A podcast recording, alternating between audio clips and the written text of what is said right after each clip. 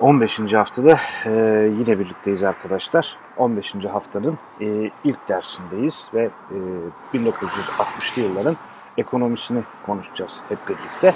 E, 1960'lı yılların ekonomisi dendiğinde de e, de akla gelen ilk kavramlardan birisi e, plan kavramı.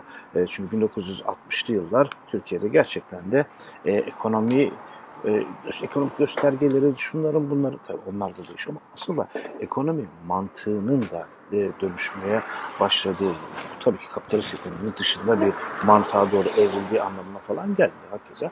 Ama e, o mantık içerisinde e, kapitalist mantık içerisinde Türkiye'deki ekonomik e, algıların, politikaların, kurumların, e, falan değişmeye e, başladığını da söyleyebiliriz. Ama ilk önce plan kavramına bakmamız gerekiyor. Yani teorik anlamda plan kavramı falan filan değil de Türkiye'de plan deyince e, ne anlamak gerekiyor?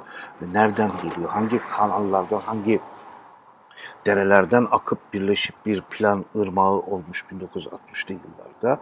Ee, nasıl geçirmiş, neden geçirmiş bu plan altına, bunun sonuçları ne olmuş, farklı toplumsal kesimlerin planlı ekonomiden, metalik hamleci ekonomiden beklentileri ne olmuş, sonuçları ne olmuş, ee, bunlar üzerine e, biraz sohbet edelim sizinle. Tabii ki yine e, her zaman olduğu gibi burada da e, Türkiye'nin 1960'lı yıllar kitabındaki farklı e, ekonomiyle ilgili, iktisatla ilgili e, yazılardan yararlanacağız. Oradaki değerli arkadaşlarımın, hocalarımın e, ana ana onların e, yazılarından yararlanarak sizlere böyle bir e, işte e, ana hatlarıyla değerlendirme yapmaya çalışacağım. Tabii ki Türkiye'de planlama dendiğinde e, yani ister hangi kitaptan yararlanırsan yararlan ilk akla gelen isimlerden bir tanesi hem e, teorik bilgisiyle hem bu konudaki pratik deneyimiyle, iş deneyimiyle e, en e, öne çıkan isimlerden birisi Bilsay Koruç Hoca'dır ki kendisi de e, bizim hem 1900 Türkiye'nin 1960'lı yılları kitabına hem Türkiye'nin 1970'li yıllarına e, verdiği e, röportaj yazılarıyla aslında şöyle bunlara röportaj da demeyelim ama hoca ders olarak bize anlattı. Biz de onun ağzından öğrendiklerimizi e, kitaba e, yerleştirmiş olduk diyelim. E, e, ki e, yine diyorum Bilsay Hoca, Bilsay Konuç Hoca bu konuda Türkiye'deki en en en yetkin isimlerden birisidir. Hatta onların da en başında gelen isimdir denilebilir. Neyse o zaman şu plan kavramına e, işte Bilsel Kuruş Hoca'dan da yararlanarak bir bakalım. Türkiye'ye bu plan kavramı ne zaman gelmiş, nasıl gelmiş, niye gelmiş falan ayrıntıları, detayları. Oradan tabii işte e, bu 50'lerden başlayıp gelen bu de şeyin mirası ne idi 60'larda ne değişti ve tabii ki ardından da 1960'lar e, ekonomisine ana hatlarıyla yine tabii çeşitli rakamlarla şeylerle bir e, şöyle bir göz atalım. Yanılmıyorsam e, bir derste bitirmemiz hemen hemen imkansız ama önümüzdeki derste dahil olmak üzere Türkiye 60'ların Türkiye ekonomisini konuşacağımızı düşünüyorum. Şimdi e, Türkiye'de plan düşüncesini Bilsay Hoca e, 1960'lar tabii yani 60'lar denildiği zaman ya da Türkiye'de plan denildiği zaman 1960'lar anlaşılıyor. 2 kere 2 4. Ama bu diyor e, yani plan düşüncesi de yani 26 Mayıs 1960'da da bir anda kafalara geldi 27 Mayıs'ta da sonra da uygulanmaya konuldu gibi elbette ki düşünmemek, ele almamak gerekiyor. Bunun da diyor üç üç ırmak, üç dere birleşip diyor bir e, şey oluşturdu diyor. Biz üç kaynaktan diyor geldi bunların için. Bu kaynaklardan ikisini hoca 1950'li yıllar ekonomisinden birini ise çok daha geriden 1930'lu yıllardan diyor geldi. Bu yan şeyler, derecikler birleşti ve 1960'lı yılların bizim şu an üstüne konuştuğumuz diyor e, şeyini plan kafasını, mantığını oluşturdu diyor. Bu kaynaklardan e, plan düş 60'lardaki plan düşüncesini oluşturan kaynaklardan ilki 1950'li yıllarda Menderes'in izlediği ekonomi politikalarından biri olan o işte altyapı yatırımlarına önem verme işi. Gerçekten de Menderes dönemi evet işte tarımın bahsedilmesi oradan gelecek işte oya ihtiyaç duyulması, plansızlık bilmem ne işte ama ama bir altyapı e, yatırımlarına öncelik verilmesi, elektrifikasyon olsun, devlet su işleri olsun, çimento olsun falan gibi yani altyapı yatırımları. Bunlar diyor plancılığın bir diyor kaynağını oluşturdu diyor önce. Peki nasıl oluşturdu?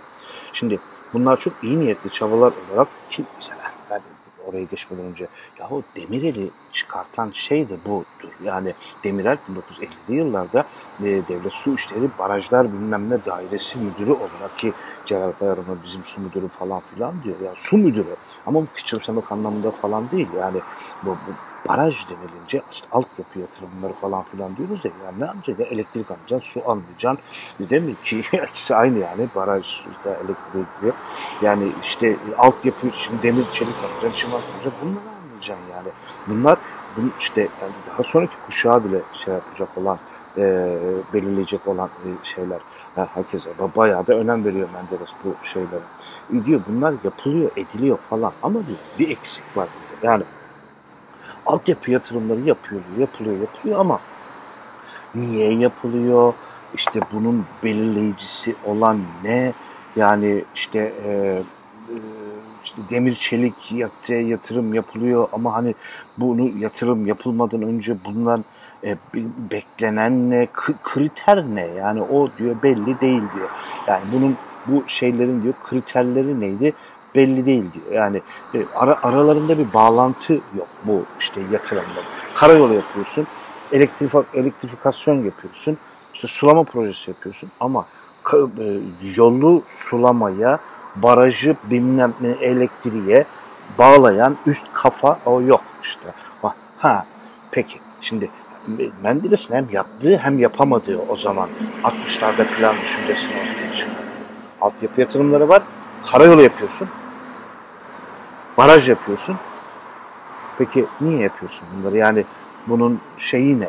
Hani bunlar e, hangi üst kritere göre e, inşa ediliyor? Liman yapıyorsun. Yani nedir? Kamu yararına göre mi belirliyorsun? Getireceği hasılaya göre mi belirliyorsun? Yani yolu niye yapıyorsun sen? Ne bileyim işte e, bunun fizibilitesi ne? Bunların hiçbiri belli değil. 50'lerin sonuna doğru böyle bir ihtiyaç diyor Zühre diyor. Daha doğrusu bu ihtiyacı dile getiren bir uzman kitlesi, bir, bir şey ortaya çıkıyor. Ya biz bunları yapıyoruz ama ya hani bunu buna, onu şuna, şunu buna, limanı yola, yolu ve elektriği, elektriği suya bağlayacak bir hani bir şey olması lazım. Düşüncesi ortaya çıkmaya başladı ki işte 60'larda planını doğuracak olan derelerden birinin de hoca bu olduğunun altını ısrarla çözüyor. Şimdi yani bir, ikincisi. Şimdi eee tabiri caizse siyasiler açısından e, yol, su, baraj, liman falan bunlar hmm, değil ama ölü yatırımlar. Yani siyaseten ölü yatırımlar. Niye? E sen e, karayolu yaptın diye kimse sana oy vermiyor. Yani e, liman yaptın diye, elektrifikasyon yaptın diye kimseden. Çünkü bunların getirisi çok uzun vadede olan şeyler. Yani bu sene yapıyorsun, ertesi sene bunun sonucunu görüyorsun. Ya da halkın gözüne gözüne sokabileceğin, bunu oya tahvil etmenin kolay olabileceği şeyler değildir. Çünkü altyapı yatırımı, alt üstüne görünmüyor bu yatırım. Tabii ölü yatırım falan derken yanlış anlaşılmasın. Asla ölü yatırım değil. Bunlar tabii çok çok çok önemli şeyler yani. Asıl bunların olması gerekiyor. Asıl sorunumuz da o. Ama siyasiler açısından, popülist siyasiler açısından e, yani bunlar e, yani bunun ekmeğini ben mi yiyeceğim diye tabii ki siyasiler falan düşünüyor. Menderes de aynı şey düşünüyor. Bunlar yapılıyor, ediliyor falan filan ama öte yandan da e, çiftçiyi işte gelen yardımlarla şunlarla çiftçiyi e, sübvanse etme işte derdinde, işte oy deposunu besleme derdinde. Çünkü oradan oy alıyor e, ve işte o popülist dilinde o bürokratik aydın elitlere karşı halkın desteği. Popülizmin temel esprisi bu zaten biliyorsunuz. Onu alabilmek için e, orayı beslemen falan gerekiyor. İlk başlarda 50-53 arasında önce konuştuk o biraz daha mümkün oluyor. Hava şartları iyi, yardımlar geliyor bilmem ne. Yani musluk açık sonuna kadar şartlar uygun, hava uygun, her şey uygun.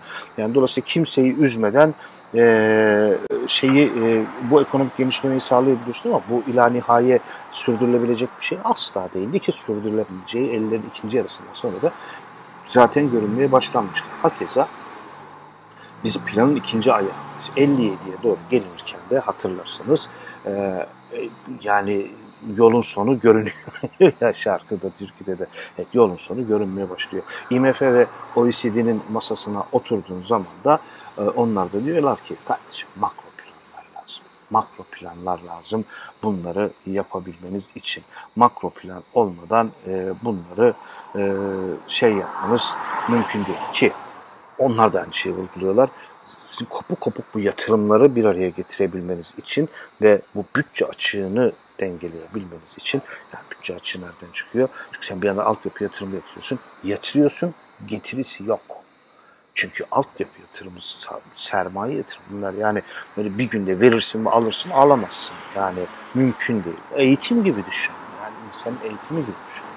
Yani işte üniversiteye başlarsın ve ertesi ay sana para olarak dönmez mi? Da işte elektrifikasyon yaparsın ama bunun sana e, gelir olarak dön, yani masrafını ertesi sene karşılayacak şeyler değil bunlar. E bunda bütçeden de para harcıyorsun. İki, sen siyasi olarak da köylüyü biraz e, şey yapman lazım. Biraz değil, epey e, e, teşvik etmen lazım, desteklemen lazım. E, bunlar yani veriyorsun habire. E, ver ver ver. 50-53 arası ver ver. Dışarıdan gelen kaynak var da sonrası yok bunun. Heh, bütçe açığı. Sen bütçe açığını kapatabilmen için diyor OECD ve IMF hem de diyor e, şey o dönemde IMF ve OECD'nin birlikte şey birlikte yapıyorlar ülkeleri. E, e, hem de diyor bu altyapı yatırımlarını bir kafada birleştirebilmen için ki zaten birinci kaynakta da ne demiştik? De, planın birinci kaynağında ya ülke içerisinde de böyle bir kesim zaten oluşmuştu arkadaşlar. Yani yani ya biz bunları yapıyoruz ya neye yapıyoruz? Bizim kriterimiz ne? İşte yani fizibilitesine falan onları yapılmaması bir rahatsızlık doğurmaya falan başlamıştı. İşte ikinci kaynak da bu. Üçüncü kaynak diyor hoca e, planın üçüncü kaynağı daha eskilerden gelen kaynağı ise arkadaşlar 1930'lardan gelen kaynağı ise biliyorsunuz 1930'lu yıllar ve Sovyet deneyiminden de yararlanarak Türkiye'de e, ciddi bir e, işte sanayi planlarını falan yapıldı. Ama o araya kaynayacak ister istemez niye? İşte savaş çıkacak, ikinci sanayi planı tam uygulanacağı zaman tabii birinci sanayi planı büyük bir hamle falan filan ama yani bir işte ikincisi gelmeyecek yani savaş yani o iş öyle kalacak. Ondan sonra zaten çok farklı siyaset yapacağım. Menderes dönemi da zaten konuştuğumuz döneme gelmiş olduk. Dolayısıyla hoca diyor ki 1930'lu yıllarda bu işe gönül veren bu ilk sanayi planıyla ki hatırlıyorum uzun uzun hangi işte Sümer Bank'ın ne fabrikası açtığını işte bilmem ne ne işte Paşa Vabile Bahçe bilmem ne şey cam şey yani bir tek tek saydığımı falan hatırlıyorum bunları arkadaşlar işte şu fabrika şu fabrika şu fabrika diye en ana hatlarıyla saydığımı hatırlıyorum. Ya şimdi bir başarı var ama hani diyor hoca diyor eli böğründe kalan bir kitle de vardı diyor 30'larda diyor. Yani artık hani ya bak biz bu işi yapabiliyoruz ama hani yapamadık elimizde kaldı, elimizde kaldı falan filan gibi. Yani üçüncü damarda diyor buydu diyor. Üçüncü şeyde buydu e, planı e, bir araya e, getirilmesi. Yani üçüncü kol, üçüncü akarsu şeyi de buydu diyor. Tabi yani buna e, yani e, bu, bu üç kanal da birleşiyor falan ama henüz tabi bunları e, bir araya getirecek olan e, bir şey de yok. Bir e, devlet planlama teşkilatı falan da yok. İşte 60 darbesi de bunun etkisini sağlıyor. Yani daha sonra konuşacağız bunu şey ama e, burada hem planlama kavramının üstünde çok şey yaptığımız için hani 60 darbesinden ne falan şimdi hiç o şeye falan girmeyeceğim. E, 60 darbesi bunun etkisini sağlıyor. Hatta o kadar ki yani Devlet Planlama Teşkilatı 1961 anayasası çıkmadan önce bir anayasal kurum olarak falan kurulacak. Tabii ki anayasa çıktıktan sonra anayasal kurum olduğu yazılacak falan ama yani anayasal kurum olan 1961 anayasasına da tanımlanan DPT 61 anayasasından önce yürürlüğe diyor. Yani bayağı bu konuda bir e, talebin olduğu, bir ihtiyacın zuhur ettiği ortada. Ama yine hala eksik var. Yani işte üç koldan beslenen bir şeyler var, bir ihtiyaç zuhur etmiş. Bunlar bir araya gelmiş, 60 darbesi onun kibritini çakmış, e, DPT kurulmuş. Hala eksik, hala eksik. Ne eksik? Diyor, biz planlamayı bilmiyoruz. Biz planlamayı bilmiyoruz. E, peki nasıl olacak bu? Yani o dönemde e, şey işte Jean e, Timbergen. Bayağı önemli bir iktisatçı. Hatta 1950'de e, işte Ragnar Frisch'le birlikte Nobel İktisat Ödülünü falan alan önemli bir planlamacı, iktisatçı bir e, hoca. E, işte ikisi ortak alıyorlar Nobel İktisat Ödülünü. Ragnar Frisch'le birlikte Jean Tim, e, Timbergen alıyorlar. Bu Türkiye'ye geliyor aslında diyor yani planlamayı diyor bize öğreten diyor Jean Timbergen, Timbergen diyor. Yani bu planlamanın nasıl olacağını falan diyor. Tek tek tek diyor, bunu diyor öğreten, şey yapan odur diyor. Şimdi yani işte bir bu işin e, o kafa arka planı işte Can Timbergen e, ve şey yani onlara bu plan böyle yapılır, böyle yapılır, böyle yapılır, böyle yapılır. İki artık bir kurum var elinde. DPT var. E, var ve yavaş yavaş siyasiler de bunun gerekliliğine inanmaya falan başlayacaklar. Hakeza şunu da söyleyelim.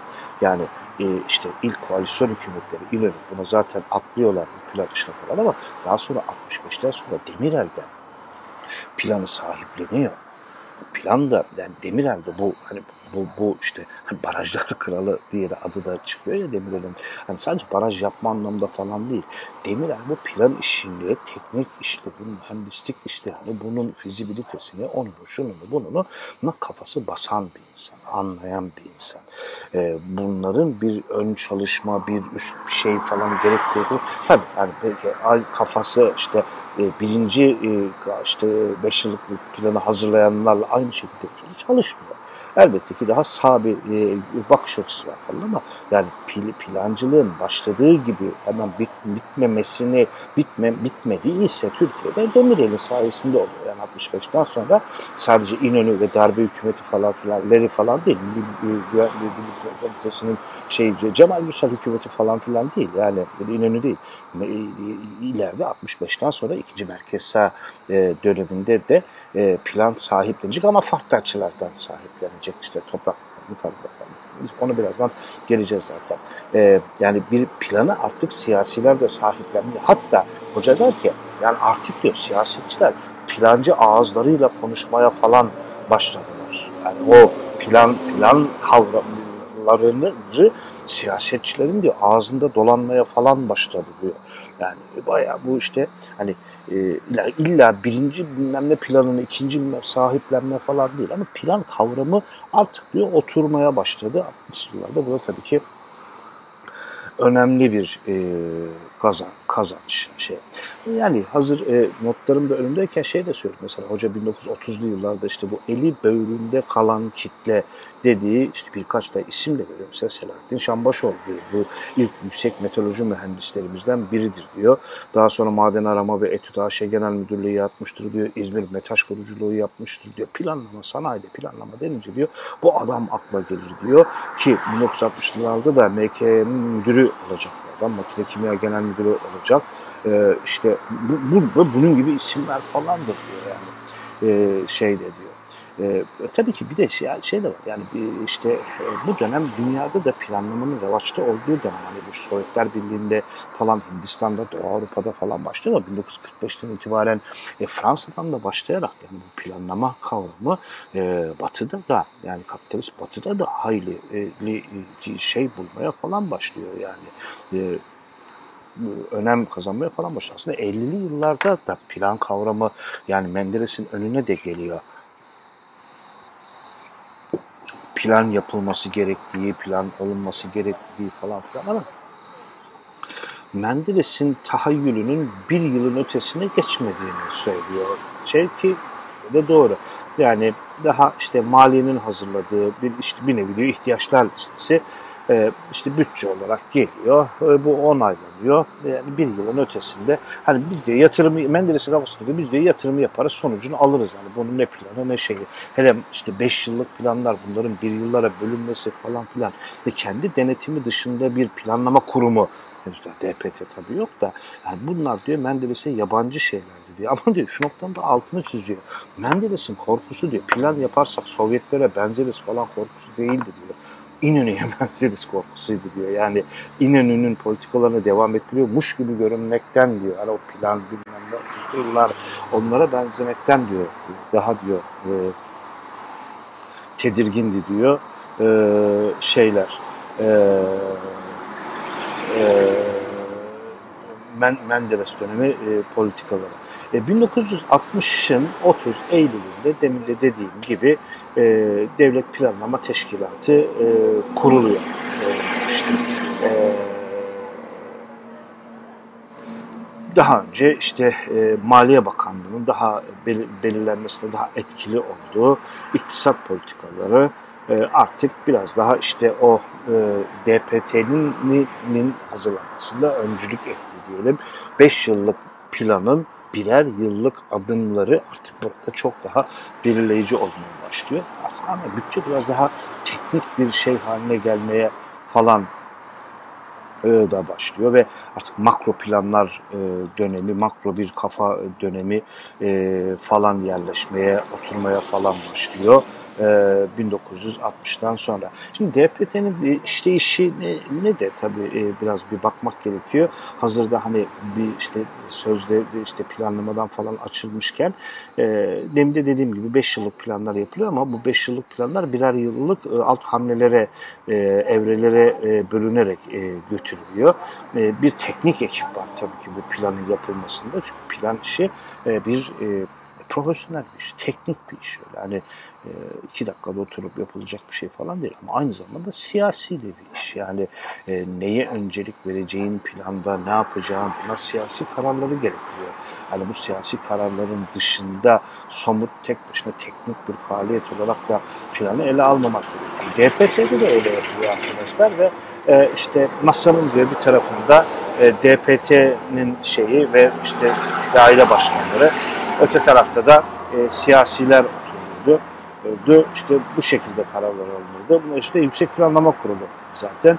E, Yüksek Planlama Planlama Kurulu'na da Başbakan başkanlık ediyor. E, işte bir eşitlik durumunda yani işte aynı sayıda teknik heyet, aynı sayıda siyasi heyet var ya e, bunların işte bir grubunun evet dediğine öteki grubu kafadan hayır diyorsa başbakan ne diyorsa o oluyor. Çünkü eşitliği bozan oy başbakanın oyu e, oluveriyor. İşte DPT'nin müsteşarı 3 tane başkanı, 4 tane siyasi, başbakan. Dolayısıyla başbakan ne derse sonuçta o olmuş oluyor. Tabii iş başbakan insafına kalıyor ama demin dediğim gibi yani e, işte 1960'lı yılların başbakanları da ki bu da yani İnönü e, ve koalisyon hükümetleri artı sonrasında da e, Demirel olacak. Plan mevzuna da dedim ya sahiplenen başbakanlar. Ha İnönü'yle Demirel aynı şekilde mi sahipleniyorlar? Ay, tabii ki sahipleniyorlar. Aynı bakış açısından mı sahipler? Değiller. İyi ama yine demin dediğim gibi plan konusunda e, kafaları aynı mimar, e, bu şeyi sahipleniyorlar. E, plan kavramını sahipleniyorlar. En azından e, onu belirtmemiz falan gerekiyor. İşte e, bu şeyde işleyen e, şeyde e, Timberg, e, Timbergen'in bir işte o modeli e, uyguluyor. Lafı toparlayamadım. E, o da böyle e, işte e, temelde bir e, işte Harold Damer modeli diye de anılan bir büyüme modeli ekseninde e, giden e, de bir model. Yani bu e, işte e, 1940'lı yılların başında o, ilk önce e, e, ortaya işte yavaştan ortaya çıkmaya başladı. Harald Damer modeli e, diye de literatüre yerleşen bu modelde e, tek faktöre dayalı bir büyüme modeli şey yapıyor. Türkiye gibi ülkelere daha uygun olduğu falan düşünülmüş bilmiyorum. Çünkü sermaye kıtlığı e, temel mantığı üzerine şey yapılmış. Yani birçok yani çok geniş bir sermaye birikiminin olmadığına göre tek bir sermaye şey üstünde kalkınmaya dayanıyor. E, ser, amaç burada sermaye donanımını geliştirilerek ileri gidilebileceği düşüncesi. E, bunu zaten bu model e, hedef alıyor. Yani sermaye kıt o zaman bizim ilerlememiz için de sermayeye ye dayalı bir ilerleme şey yapmamız gerekiyor. Esas almamız gerekiyor. Yani sermaye donanımını geliştirmemiz gerekiyor. Bunun için de yatırım yapmamız gerekiyor. Yani sermaye stokunu artırmamız gerekiyor. Bu da ancak yatırım yapılarak olabilecek bir şey. Ee, e, yatırımların hangi alanda yapılacağı önemli. Bunun belirlenmesi gerekiyor. Yani işte her yani her hangi alanda yapılır, yatırım yaparsan yap onun getireceği getiri aynı oranda olmuyor. Bunun işte siyasi kararının alınması falan. Yani mesela işte e, sen işte ekmek üretmek için yatırım, fırıncılığa yatırım yapayım. E, onun getirisi sanayi yaptığın şeyle aynı şey olmuyor. Da sanayide hangi dalına yapacağına aynı şey olmuyor. İşte e, işte hangisine yatırım yaparsan makinalaşma oranın, işte sermaye şey oranın daha hızlı artar. E, bunun işte hangi sektöre yaparsan e, bunun bir kere bir önceden ön şeyinin yapılması gerekiyor. Hangi alanlar bizi nereye götürürün kararının verilmesi gerekiyor. Yani şu alanda da şuraya yatırım yaparsam işte 5 yıl sonra 10 yıl sonra beni nereye götürür e, bunu e, bilebilmek falan gerekiyor. Ayrıca tabii ki yatırım yapıyorsun ama bu ancak bir ithalat politikası da gerekiyor. Yani sadece ihracat değil.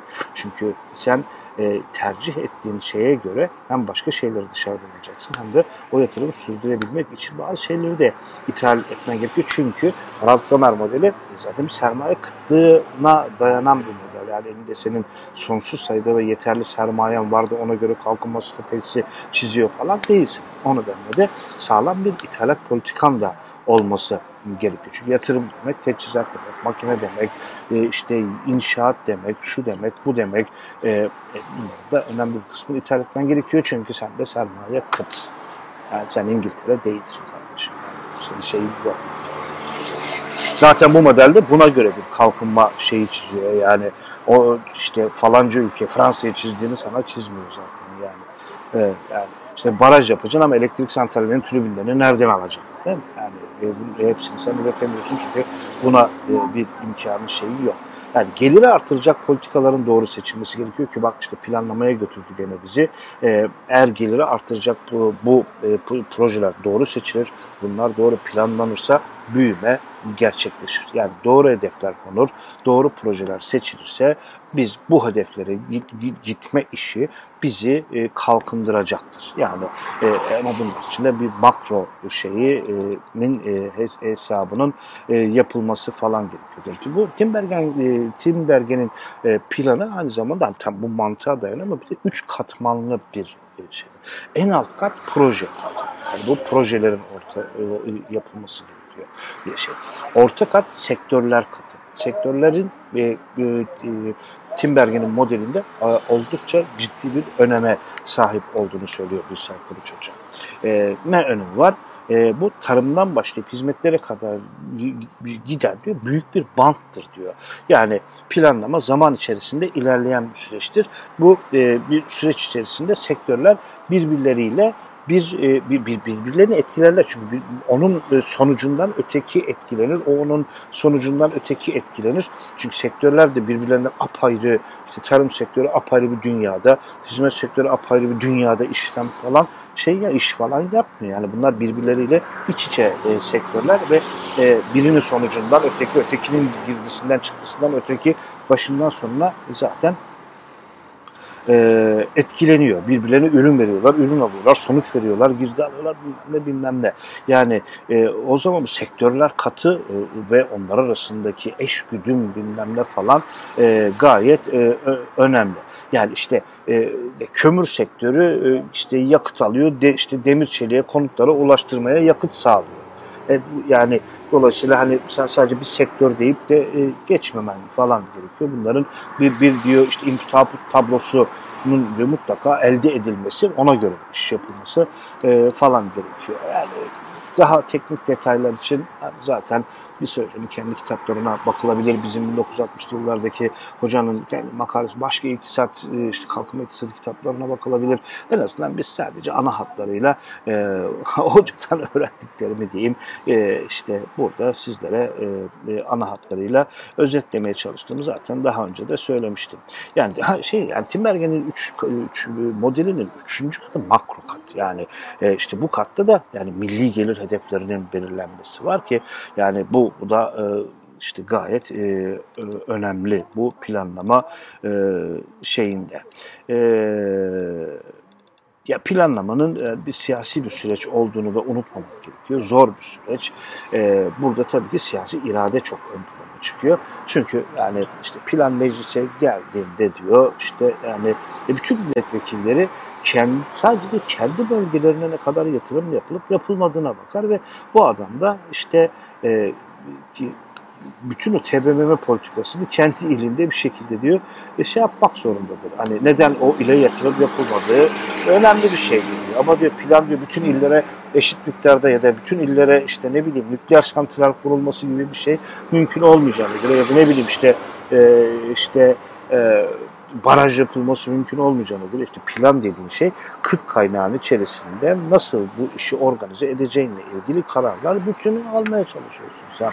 Yani bütün ile yani işte X fabrikasını her ile yapmam mümkün olmayacak. Ama siyasiler bununla ilgilenmiyorlar ve yani e, e, o zaman da siyasi irade gerekiyor. Yani milletvekilinin aa bu komisyonda işte bizim ilimize şu yatırım yok falan falan diye ki e, şeylerinin bir şekilde önüne geçmesi ya da ikna edilmesi e, işte siyasi iradenin o planın arkasında durabilmesi falan gerekiyor. Çünkü yok Timbergen modeli 3 kat, 2. kat sektörler, makro kat falan milli gelir iyi, hoş, güzel ama bir de işin siyasi tarafı var.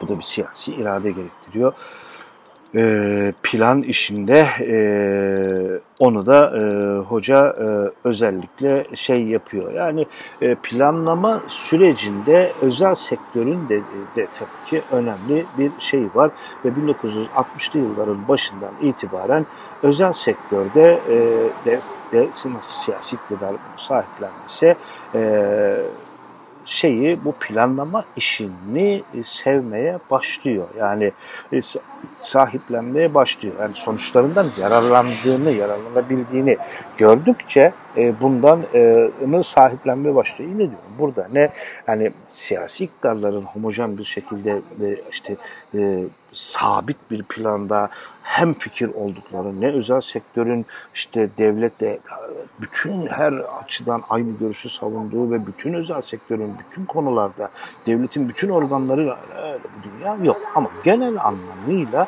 yani özel sektörün dediği olacak yani planı plan kavramını yine sahiplendiğini yani bunun çok korkulacak bir şey olmadığını görmeye e, başladığını söylüyor. Yani en azından yani işte e, planlamanın e, siyasiler mesela planlamanın kendileri için kullanışlı bir araç olduğunu fark ediyorlar. Yani hangi illere ne yatırım yapılacak, ne getirilecek, ne yapılacak, hangisi benim için iyi olur, yani hangisi işte kalkınmanın bilmem ne formülü için iyi olur, yani zamanda siyaseten de benim için hangisi iyi olur, onu diyor kağıdın, kağıdın üstünde, planın içerisinde artık diyor öngörülebilir hale geliyor. Bunu da bir avantaj olarak e. Önceleri e, görecekler. Önceleri bunu kendilerine engel olarak görüyorlardı. Şimdi ise bu öngörülebilirliği yani 5 yıllık bir perspektiften öngörülebilirliği 60'lı yıllarda işte ise siyasiler daha bir efendim avantaj olarak e, görmeye e, falan başlayacaklar. E, işin ilginci mesela bu yüzdendir ki diyor 60'lı yıllarda yapılan planlarda özellikle ikinci planda hedeflerin gerçekleşme oranı neredeyse yüzde yüz. Bu da tabii ki iyi kötü plan kavramı etrafında bir konsensus Tabii konsensus diyorum yine her konuda bir mutlak ittifak var öyle bir şeyin olmadığını gene gene gene söylemiş olalım yani. En azından bu ama plana olan inancı da e, artırıyor yani e, şey de artırıyor. 60'lı yılların ikinci yarısında Türkiye siyasal olarak toplumsal olarak hareketlenmiş. E, AP e, aleyhine görüşler de 60'lı yıllarda e, gittikçe artmaya e, başlamış. Demirel'de ikinci plan dönemde özel sektörü de ithal ikamesi düşüncesinin içerisine sokmaya ya şey yani ne yapıyor mesela tel ikamesi düşüncesine ne yapıyor özel sektör mesela işte, e, e, koç şekilde buzdolabı üretmeye başlıyor değil mi? Yani bu buzdolabı şey 50'lerde başlamıştı falan ama diyor hoca e, şeyin koçun şeyin buzdolapları diyor e, soğutuyor mu, ısıtıyor mu diyor. 1960'tan sonra öğrendik diyor. Ben bu anekdotu daha önce de bir anlatmıştım sizlere. Hatta bu Frigidayre e, şeylerinin, e, buzdolaplarının daha elektriğin gitmediği yerlerde Frigidayre e, marka buzdolaplarının gittiğini, bunun böyle bir statü, prestij göstergesi olarak kullanıla geldiğini söyledim. Ama 60'tan sonra elektrik de gitmeye başladı. Çünkü 50 yıllar bir elektrifikasyon dönemiydi demiştim. Barajlar dönemiydi demiştim. Onların sonuçlarının kısa vadede alınamayacağını da söylemiştim ama 60'tan sonra ya artık diye makro planlar falan filan da yapılmaya başlayınca elektrik de gitmeye başlayınca buzdolapları soğutmaya da başlıyor İsa Hoca'nın ifadesiyle. E, yani işte ithal ikamesi e, işte esprisi de buradan geliyor. Yani e, tabii ki o buzdolapları dünyanın en kaliteli buzdolapları falan değil. Tıpkı yine Koç'un üreteceği Anadolu marka otomobilin ki e, işte içinde saman maman karışık olduğu ve kaportasını eşeklerin yediği falan söylenen söylenen arabadan zinhar anlamam arkadaşlar. Anadolu eşeğin yiyip yemediğini de rivayeten bilirim. Ben hiç anlamam bu işlerden. Ama e, yani dünyanın en iyi arabasından falan bahsediyoruz. İşte İthal ikamesi de böyle bir şey ve özel sektörün ithal ikamesinin içerisine e, ne konulması da böyle bir şey. İşte ikinci plan döneminden sonra diyor, ikinci planla birlikte diyor, Demirel dönemiyle birlikte diyor, özel sektör de diyor, e, ithal içerisine dahil edilmeye ye, e, başladı. E, işte herkese işte devrim otomobili başarısızdı ama işte devrim otomobili başarısız diye geçmemek gerekiyor. Devrim otomobilinden Anadolu'a geçiş birinci plandan ikinci plana da geçiş aslında bir yerde bakarsan o kafada da geçiş. Ya birincisi devletin ithal ikameciliğin içerisinde olduğu devrim otomobili. İkincisi ise ithal ikameciliğe özel sektörün entegre edilerek yola devam edildiği bir şey. Bu açıdan bakılınca aslında devrimden Anadolu'ya geçiş aslında bir başarısızlık değil de bir taktik yani dere geçerken at değiştiriliyor falan filan ama aslında bir yerde bir e, başarının planlama mevzunda bir başarının e, olduğunu da da söylenebilir diyor. Ve tabii ki yani bu aslında devrim otomobilleri başarısızlığının öyle işte bunu ayrıntılı olarak anlatacağım işte arabaya benzinin bulunamadığı için işte batı kafasıyla araba yapıyoruz da doğu kafasıyla içine benzin yani benzin bulunamadığı için koca bir projenin iptal edildiğini düşünmek mümkün değil. Burada başka şeyler devreye giriyor ama e, işi Anadolu şey yaptığı zaman da e, olay e, şey yapmış oluyor, çözülmüş oluyor. E, e, işte işte gene e, 60'ların ikinci yarısından itibaren eczacıbaşıları, sanayi, işte Sakıp Sabancıları, Koçları, e, işte e, ya da Mümtaz Zeytinoğlu gibi entelektüel isimler falan. Yani böyle daha işte yani sanayi kesiminde söz sahibi isimler planlama konusunun özel sektöre taşınmasında da bir hoca e, önemli bir e, rol e, oynadıklarını söylüyorlar. Yani şimdi unutmayalım yani mesela planlanma işi e, bayağı önemli bir yani ki şeyde şey, siyasetçiler yetiştirmiştir. Yani Demirel'in DSİ'den geldiğini söyledik de mesela akla hemen Atilla Karasmanoğlu giriyor. Yani 71 muhtırasından sonraki teknokratlar hükümetinde ekonomiden e, sorumlu olan isim e, Atilla Karasmanoğlu'dur. Ha, tam çok uzun süre iktidarda kalmıştır bilmem nedir ama yani Dünya Bankası, DPT ve e, Ekonomi Bakanlığı önemli bir e, şeydir, aklama e, noktasıdır. E, tabii yani DPT'nin diyor ilk yani DPT kurulduğunda daha e, sol tandanslı insanlar orada. Şuna çok en azından onu söyleyebilirim. E, ama Demirel'in iktidara gelmesinden sonra daha hani de, de, bunlar dokunmayacak Demirel ama tepe noktalara hiç değilse planı sahiplenen sağ e, kafalar yerleştirmeye de e, gayret e, edeceğini de e, yine e, önümdeki notlardan sizinle paylaşmış e, olayım arkadaşlar. Şimdi e, burada e, toprak reformuna da diyor e, toprak reformunun tarım reformuna dönüşüşünü de planlı ekonomi döneminde değinmek lazım geldiğini söylüyor Bilsar Hoca ki çok önemli bir noktaya temas ediyor burada. Şimdi e, 1945'deki e, e, çiftçi topraklandırma kanunu daha doğrusu toprak reformunun yanlış anlaşıldığını bunun köy enstitüsüyle birlikte düşünüldüğünde muazzam bir tarihsel fırsat olduğu ve bunun tepildiği düşüncesinde ki hoca baştan sona elbette ki haklıdır. Cidden çok haklıdır.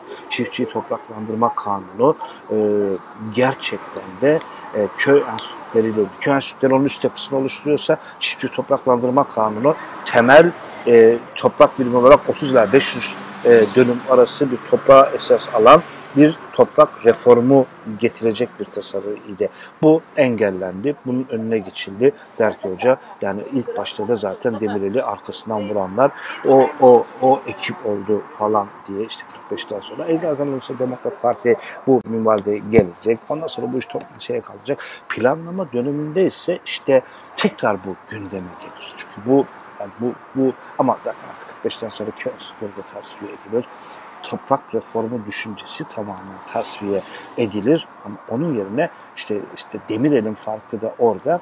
Demirel döneminde tekrar bu konu gündeme geldiğinde ise Demirel orada e, şeyi koyar. E, tepkisini e, ya da kendi, kendi meşrebini e, ortaya koyar. 1960'tan sonra DPT vesilesiyle tekrar e, bir şey e, getiriliyor. Topraktan e, vergi alma e, şeyi durduruyorlar. Bunun önce şey söylerim. Demirel der ki toprak reformu yoktur, tarım reformu vardır. Bu zaten olayı bitirecektir. artık o tarihsel fırsat kaçmıştır. Peki 1960'lı yıllarda toprak reformu neden tekrar gündeme geliyor? Ee, onu da bir konuşmamız gerekiyor. Ee, çünkü 1950'li yıllarda topraktan vergi alma işi tamamen bırakılmış durumda. Yani e, öyle ki yani tarım kesiminin e, devlet gelirlerine bir katkısı yok. Yani hiçbir e, katkısı yok. Ee, ama e, işte e, istihdam tablosuna baktığın zaman tarımda çalışanların toplam istihdamı oranı yüzde yetmiş civarında. E, ama e, ne tarım reformu gündeme geliyor, ne toprakta vergi alınabiliyor. E, ki bunun rakamlarını birazdan da şeyde vereceğim de e, bir toprak reformu yapılması gerektiği şeyi ortada. Ama gel ki işte buna imkan şey yapılmayınca da e, mümkün olmayınca da artık olay tarım reformuna şey yapılıyor. Artık planlama işi tarım sektöründe tarım reformu üzerinden e, şey yapmaya başladı. Yani 20'lerde bu yapılamaz mıydı? 20'lerde diyor hoca yapılamazdı diyor. Çünkü 20'lerde çünkü iktidarı her ne kadar bürokratlar şurada burada görünüyor, idis ediyor. Sadece görmüş değil de asıl diyor. İktidar toprak sahiplerinin ve taşra e, şeyinin elindeydi diyor. Tüccarının elindeydi. E, o zaman bunun yapılması mümkün değildi. 40'lı yıllar tam diyor bir e, işte tarihte yakalanmış bir fırsattı e, olmadı. O, o golü değerlendiremedik diyor.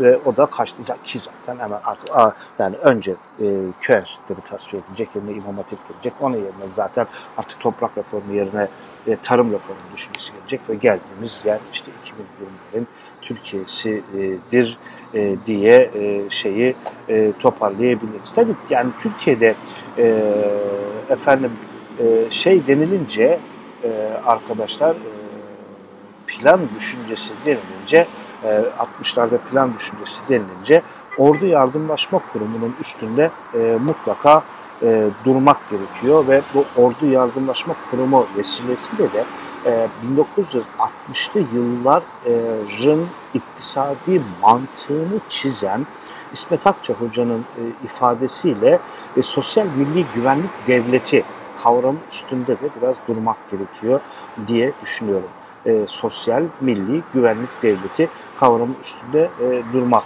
e, gerekir diye de düşünüyorum. O yüzden hani bir tekrar edeyim dedim. Şimdi e, 1950'li yıllarda Demokrat Parti'nin yani bin kere konuştuk belki şeyleri ama şimdi bir e, tarım ve ticarete dayalı bir, bir kalkınma şey var, stratejisi var.